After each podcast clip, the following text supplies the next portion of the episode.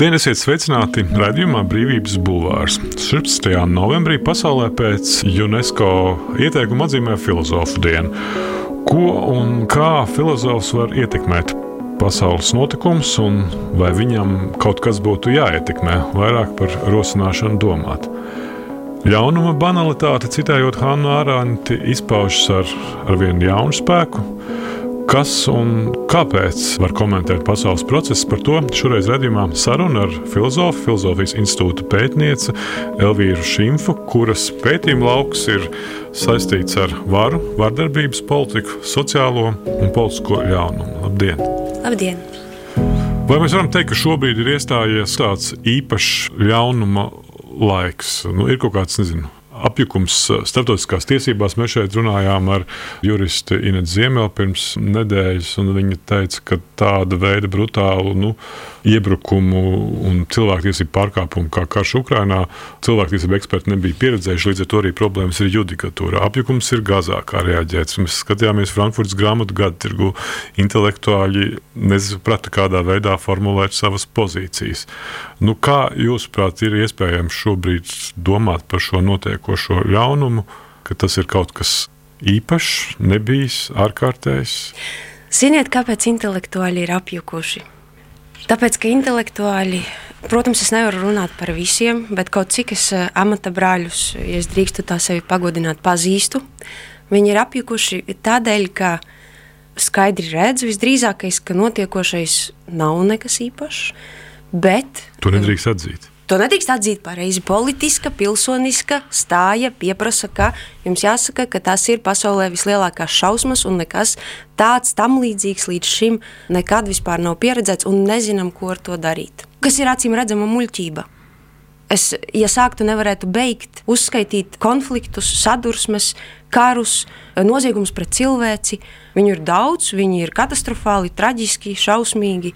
Faktiski tas pirmais, ar ko, protams, būtu jāsāk, ir otrā pasaules kara noziegumi, kas eh, radīja nepieciešamību pēc jauna, juridiska un arī ētiska koncepta šī nozieguma pret cilvēci.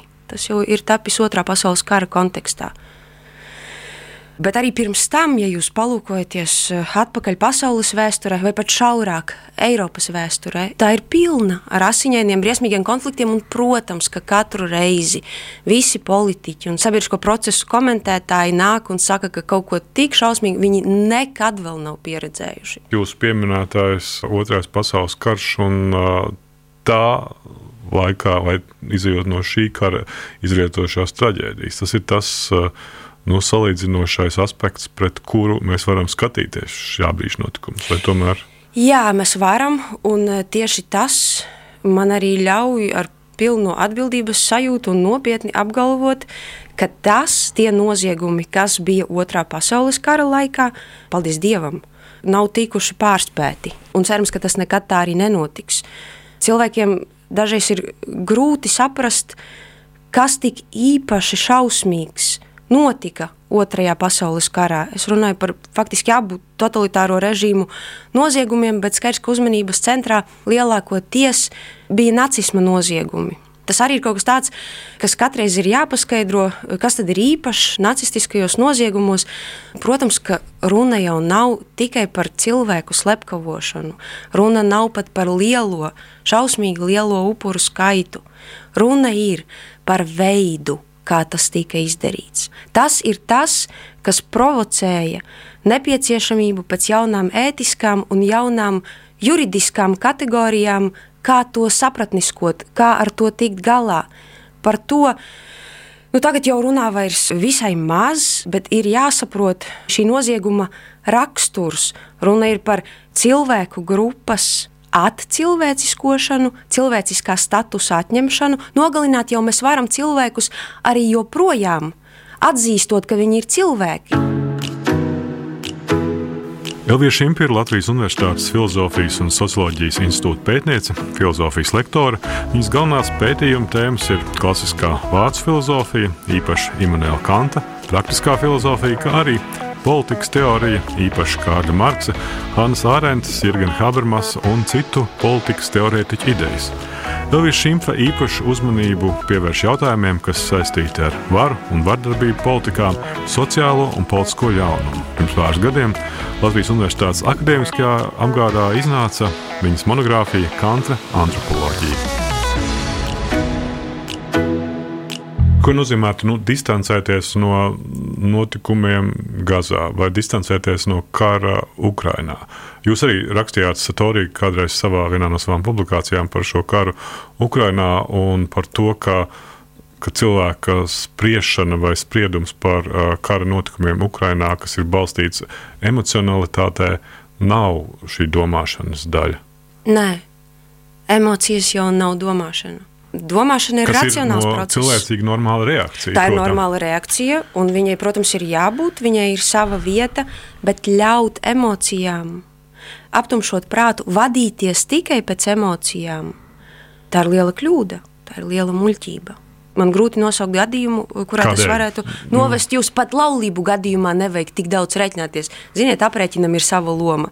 Pat tādā dzīves brīdī nevajag ļauties vadīties tikai pēc emocijām, kur nu vēl kaut kādā ģeopolitiskā kontekstā. Bija arī pretēja nu, reakcijas. Lasīju vācu laikrakstā Dicēt, bija citēta, tas bija pēc tā paša Frankfurtas grāmatu gadu tirgus, bija citēta franču izrēliešu socioloģe Eva Iloza, kurā bija šokēta par to, cik vienaldzīgi un augsti un nožēlojami starptautiskie kreisie reaģēja uz Hamas iebrukumu un barbarismu Izrēlā. Viņa rakstīja Zudaiču caitumā, ka gandrīz neviens nebija gatavs no šiem kreisajiem intelektuāļiem atbalstīt eh, ebrejus viņu bēdās un izteikt līdzjūtību. Tas viņas pārmetums bija, ka tieši tie, kuri pirms visu laiku izmantoja šo vārdu solidaritāte un lietoja šos daudznozīmīgos eh, jēdzienus, vienlīdzība, brīvība un cilvēku cieņa, pēkšņi bija klusi vai gluži pretēji neatbalstīja Izraelu.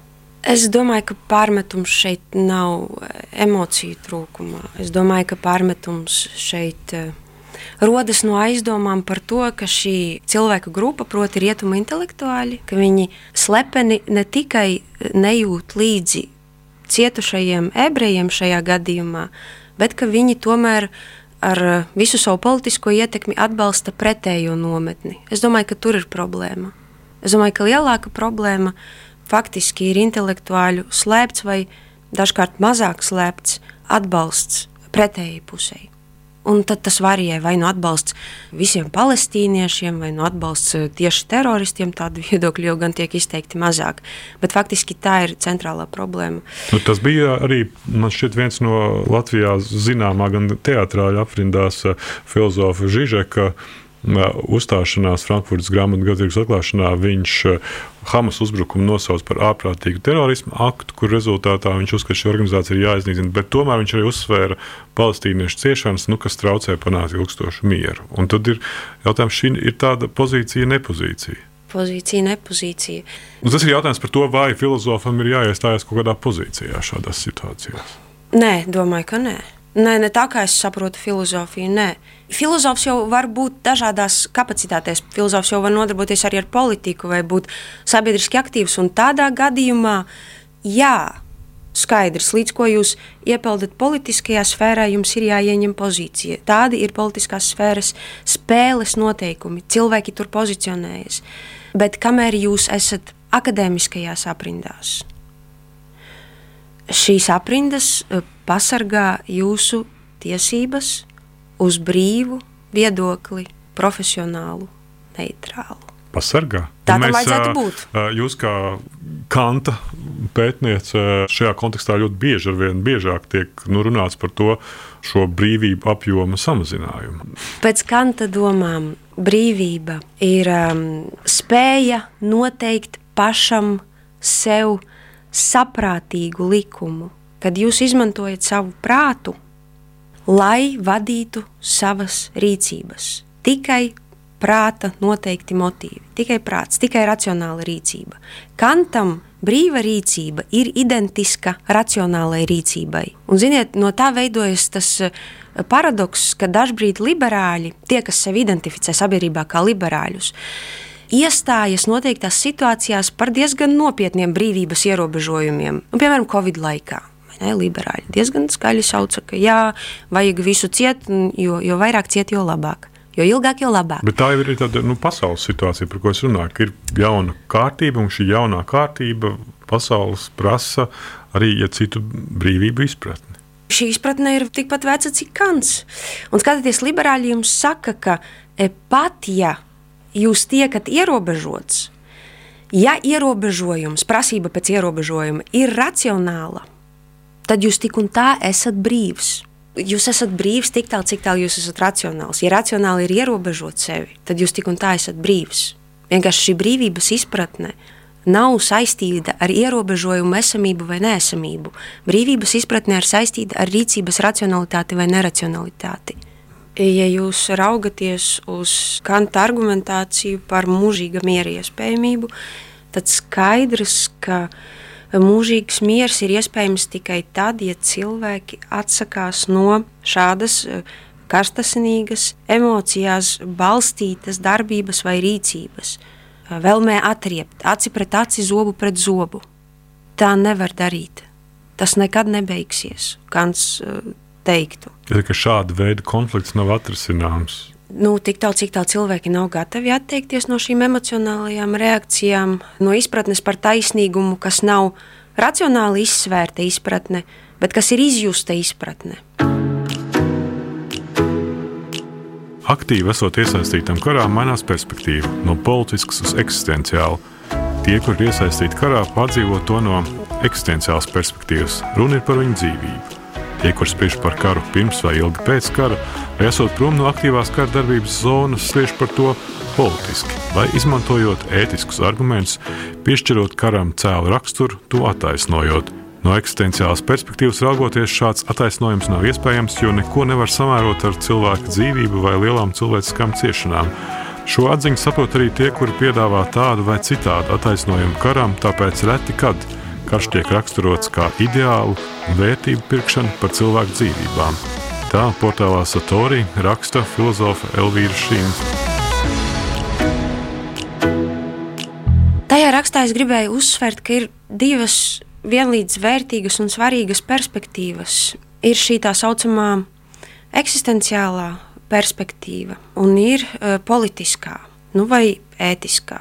Un tās visas paredz zināmu attālinātību. Un tas ir atšķirīgs. Tas ir atšķirīgs tādēļ, ka kad jūs pats esat tajā vietā, kur jūsu dzīvība ir apdraudēta, tad jūsu situāciju raugaties, esat spiests raudzīties vienkārši kā cilvēks, kā dzīva būtne, kurā runā arī zināmi instinkti, kurai rūp sava dzīve un dzīvība, savi tuvinieki. Jūs raugaties uz to izdzīvošanas perspektīvā eksistenciālā. Tur domāšana nav iespējama, ja atgriežaties sarunas sākumā. Nedomāju, ka tas ir izslēgts. Es domāju, ka ir cilvēki, kuri spēj turpināt domāt, eh, vadīties arī pēc kaut kādiem politiskiem motīviem, bet tomēr viņos ieslēdzas šī eksistenciālā perspektīva, jo runa ir par viņu izdzīvošanu. Kamēr tie cilvēki, kurus spriež uh, attālināti, viņi var spriest un viņi var uh, Eh, diskutēt, un eh, viņi no savas drošās vietas, no saviem rakstām galdiem var mudināt tos citus iet vēl tālāk un sist vēl stiprāk. Tā kā mēs ar jums šobrīd. Vai, jā, bet uh, likmes jau nav tās pašas. Tā nav mūsu dzīvība, kas ir uz spēles. Bet mēs par viņām zināmā mērā tirgojamies. Tas nav godīgi. Es domāju, ka politiskā pozīcija ir loģiska, bet nav godīga. Jā, nav godīga. Nu, varbūt viņa nav pilnīga. Tas ir jāņem vērā, ka cilvēki grib dzīvot, viņi grib izdzīvot, viņiem ir jādzīvo.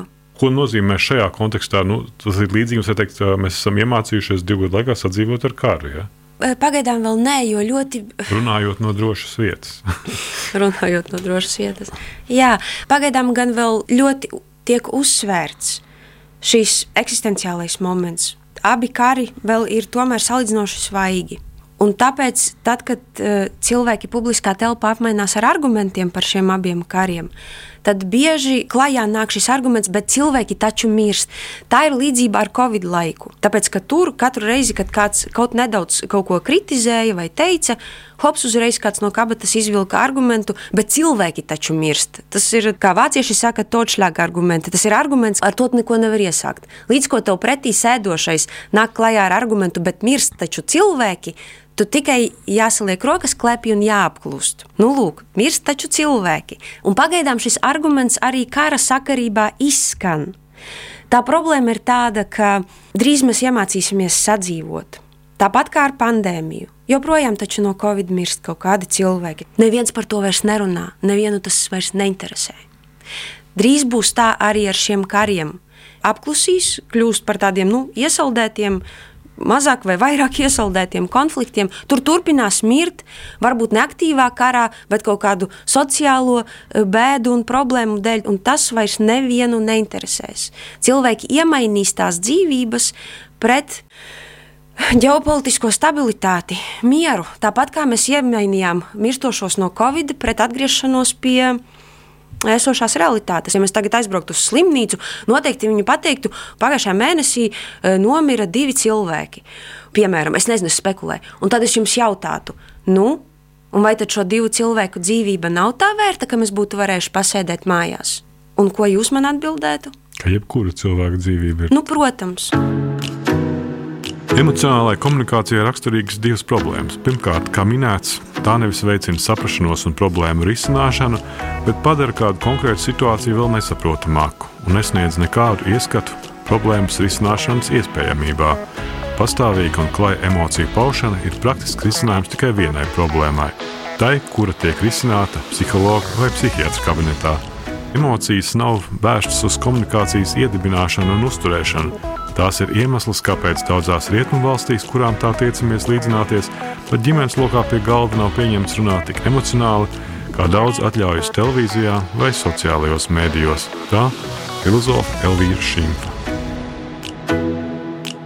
Jūs rakstāt arī, ka par spīti emociju nepiemērotībai publiskajās diskusijās pēdējā laika tendence ir tieši nu, uzrādīt to subjektivizāciju un emocionalizāciju kā dominējoša tendence arī publiskajā laukā. Tā ir raksturīga gan politiķiem, gan arī nu, lielākajai daļai cilvēku, kuri publiski pauž viedokli par kaut ko. Ar ko tas ir saistīts, ka tas ir tāds šī laikmeta iezīme? Es domāju, ka jā, un ka tas ir saistīts ar mediju tehnoloģijām. Tie kanāli, kurā tu vari, kā jūs sakat, pozicionēties, viņu ir ļoti daudz. Tas ir kā Foucault teiktu, viņi visi ir radīti tam, lai noteiktā veidā piespiestu tevi rīkoties, pastāvīgi pozicionēties vai paust savu viedokli, nostāju. Un tā kā šo cilvēku ir ļoti daudz, kas to dara, faktiski visi, tad viņiem, protams, ir nepieciešams kaut kā pārkliegt vienam otru. Tie tīkli prasa ļoti biežu eh, pozicionēšanos. Nu, jūs to saucat, ka cilvēki izsaka savu psiholoģisko stāvokli. Jā, viņi veidā. izsaka, izgāž uh, savu to, kas ir sirsniņā, ieraksta Twitterī raudu, šodien raudu, sāp sirds vai dusmās vāros bija laiki, kad tas bija nepieklājīgi. Vispār es uzskatu, ka labi audzinātu cilvēku aprindās joprojām tas nav pārāk pieklājīgi. Apspiest, nu, ir uh, analītiķi, kur uzskata, ka apspiestas emocijas, kādā kolektīvā līmenī var radīt arī nācijas traumas. Bet ir taču kaut kādi nepubliski veidi, uh, un pat ļoti veselīgi, manuprāt, kā cilvēkam tikt galā ar savām emocijām. Nu, galu galā mammai var izstāstīt, bet kāpēc publiskajā telpā jāsaka, ka tev gribā, gribās raudāt. Un turklāt par visu. Bet jūs uh, uzskatāt, ka, ka šāda veida nu, komunikācija nu, šo konfliktu pēc būtības sāsina un padziļina? Jā, jā, sāsina un padziļina. Tā ir emociju, nu, vispār tā ir emociju iedaba. Un tam ir arī sava vieta. Emocijas jau kaut kādā mērā nu, dzen cilvēku uz priekšu, sāsina dažas situācijas, pārsvarā privāti, lai ļautu tās ātrāk atrisināt bet publiski tas noteikti nav veselīgi pastāvīgi dzīvot uz tādiem augstiem emocionāliem toņiem. Sevišķi tāpēc arī, ka emocijas ir ļoti individuālas, ļoti subjektīvas, nāk no katra paša stāvokļa, vietas pasaulē, problēmām, galu galā temperamenta, no rakstura. Tas nav kaut kas, kas cilvēkus var vienot. Jūs nevarat vienoties uz emociju bāzes. Emocijas ir dziļa individuāla lieta. Tas, kas manī izraisa emocijas, neizraisīs jūsos. Tas nav veids, kādā mēs varētu vienoties, kas ir super svarīgi politiskā kontekstā. Cilvēkiem spēt apvienoties. Nu, jo, kā Hanna Arente, manuprāt, ļoti pareizi raksta, nu, vara tātad koncentrējas to cilvēku rokās, kuri spēj apvienoties, vai šo apvienoto cilvēku līderu rokās, teiksim tā spēja apvienoties politiskā dzīvē ir ļoti svarīga. Un šī emocijās balstītā individualizācija, sašķelšanās, viņa ir neveselīga politiski. Privāties droši vien, tas gan ir jājautā psihiatriem. Tiešām nezinu, vai, vai privāti vienmēr ir pareizi ļaut savām emocijām izvirst vai nē. Nu, to es nezināšu. Es nedomāju, ka nekad. Es domāju, ka varbūt ir brīži, kad tam ir sava vieta un nozīme kaut kādai eh, nu, kā saka, kolektīvai emocijai. Radījums Brīvības Bulvārs. Sarunas par to, kas notiek un ko mēs par to varam domāt. Ko mēs sākām runāt par šo mēdīju ģenerēto vai radīto telpu attiecībā uz kaut kādiem uzvedības modeļiem, kuros mēs dzīvojam. Es skatījos jūsu diskusiju lampā, kas bija vairāk par valodas radītām nozīmēm un kaut kā ziņā arī par tādu importētu ideoloģiju veidu, kādā veidā tās nu, atrod sevi eh, attiecīgi sabiedrībā un atbilstoši arī valodā. Un, eh, jūs nosaucāt, eh, citējot Gilbertu Railu, to par metafizisko purvu, kurā mēs atrodamies. Proti, ka šis metafiziskais purs piesārņo mūsu telpu ar nozīmēm, kurām šeit nav dabiskas vidas un kuras ir importētas. Un es šodien, gatavoties sarunai, aptaujāju daudzus kolēģus un paziņas, nu, mēģinot saprast, kādā veidā mēs varētu, piemēram, nu, latviskot to pašu Black Lives Matter tematiku vai All Lives Matter, jo ir ļoti grūti atrast to latviešu valodas ekvivalento nozīmi tam visam. Tad ir jautājums, jā, kāpēc. Bet vai jums ir vajadzīga valoda, lai varētu komentēt citās valstīs, piemēram, Amerikā notiekošos procesus? Arī tas ir tomēr kaut kas cits nekā, ja jūs vēlaties, jo tajā diskusijā lampā es uzsveru, ka, manuprāt, ir tāda problēma, ka tad, kad cilvēki runā par nespēju atrast latviešu valodā atbilstošus apzīmējumus, un tad viņi piedāvā parasti uzreiz kādu anglicismu vai ne,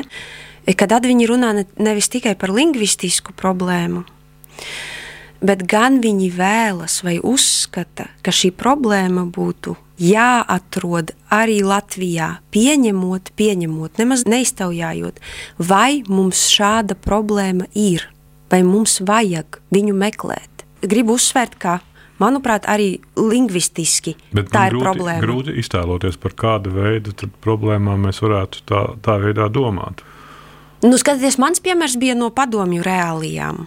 Jo tur bija ļoti izteikti šie e, specifiski tikai un vienīgi padomju pilsonim saprotamie vārdi, kuriem, protams, jūs varētu atrast tulkojumu arī citās valodās.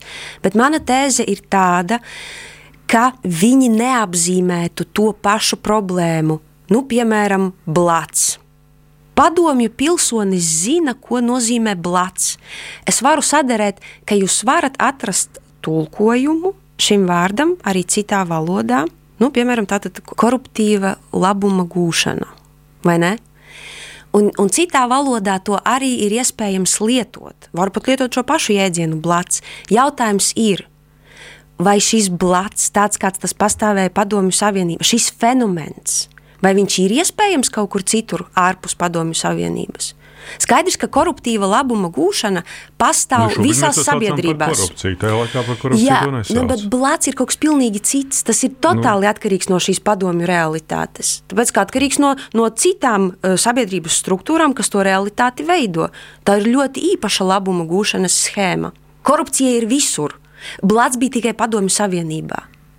Citiem vārdiem, Tas ir īpašs korupcijas Jā. paveids, kas ir saprotams tikai eks-padomi pilsonim vai padomi pilsonim. Es neuzsvēru vienu lietu, kas, manuprāt, ir ļoti svarīga.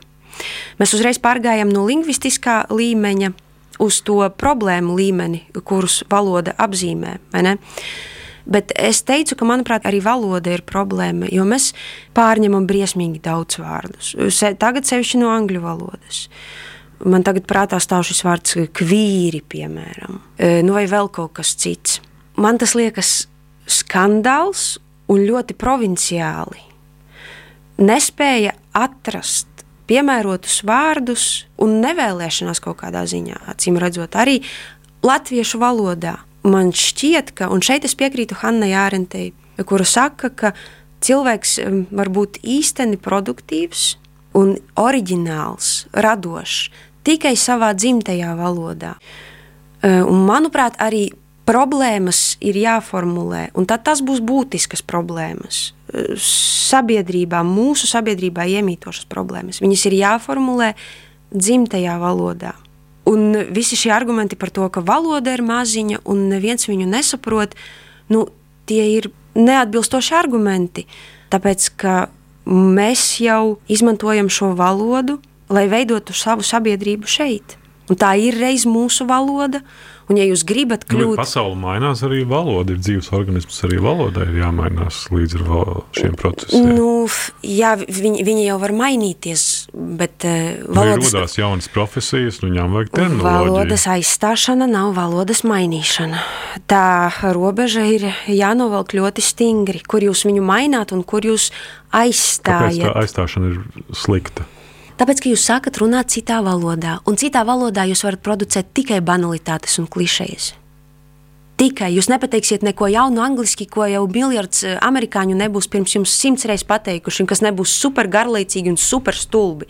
Kāpēc kādu lai interesētu, ko kaut kādi tur latvieši vai ne saka par kvīriem? Tas viss jau ir pateikts. Tas, tas ir klišejs un banalitātes, ko jūs varat producēt angļu valodā. Jūs taču pārņemat, jūs kā mērkaķīši vai ne, skatāties, kā viņi runā, kādos kontekstos viņi kādus vārdus lieto, un tad jūs metat to ārā. Es arī klausos, kā jaunieši runā uz ielas. Jēzus Marija. It's like, I'm like, it's like, uh, it's like, uh, katrs otrais vārds ir like. Es pilnīgi redzu, kā šīs meitenītes saskatās kaut kādus savus TikTok video vai kaut ko tam līdzīgu, un pēc tam atkārto. Vai, piemēram, nu šobrīd iezīmētais nu, konflikts starp konservatīvajiem uh, un liberāļiem, vai tas arī ir šāda paša veida aizgūts konflikts, vai tam ir tomēr saknes kaut kādā konkrētā tradīcijā, reliģijā, vērtībās, kuras sabiedrībā pastāv.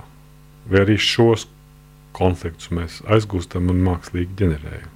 Jo mēs ļoti bieži, jūs pati esat norādījusi, es skatījos sarunā konservatīvismu konferencē, ja tā to var nosaukt, kur jūs uh, nu, runājat par to, ka, ka šie jēdzieni arī mainās. Tad ir jautājums, kā mēs šos jēdzienus izmantojam, piesaucot kā, kādus apsaukājot par liberāliem vai par kreisajiem liberāļiem, vai, vai pretēji par konservatīviem. Tieši tā. Es domāju, tas ir sarežģīts jautājums. Man šķiet, ka tas ir gluži, ja es varu izmantot tādu vārdu, dabiski, ka politiskā procesā iesaistīti cilvēki grupējas tādās divās nometnēs. Būs tādi, kas būs tātad, piesardzīgāk orientēti, ar vēlmi e, noturēt status quo, esošo kārtību, vai ne? Konservatīvi domājuši. Vienmēr būs tādi, kas gribēs kaut ko mainīt, e, attīstīties, iet uz priekšu. Šī schēma, manuprāt, nav pārmantota, un viņa tāda vienkārši ir. Viņa ir diezgan dabiska katrā politiskā sabiedrībā esoša. Ir, ir tādi un ir tādi. Bet tās konkrētās izpausmes, kādas e, šī cīņa starp konservatīviem un progresīviem, Es negribu izmantot vārdu liberāliem šeit, es gribu izmantot vārdu progresīviem. Tad e, tā, tās izpausmes, tās gan ir aizgūtas, pārmantotas, pārņemtas no citām valstīm. Paldies! Paldies, tā bija filozofa Elvīra Šīmfa. Mans vārds Gins Grūve, raidījumu ierakstīja Toms Šits un uh, Montāja Nora Mitspapa. Paldies! Brīvība ir brīvība nevienlīdzība, vai taisnīgums, vai kultūra, vai cilvēks laime. Tā teica Iesai Berlīns. Sarunas ar brīvas apziņas un ideju cilvēkiem radījumā Brīvības bulvārs.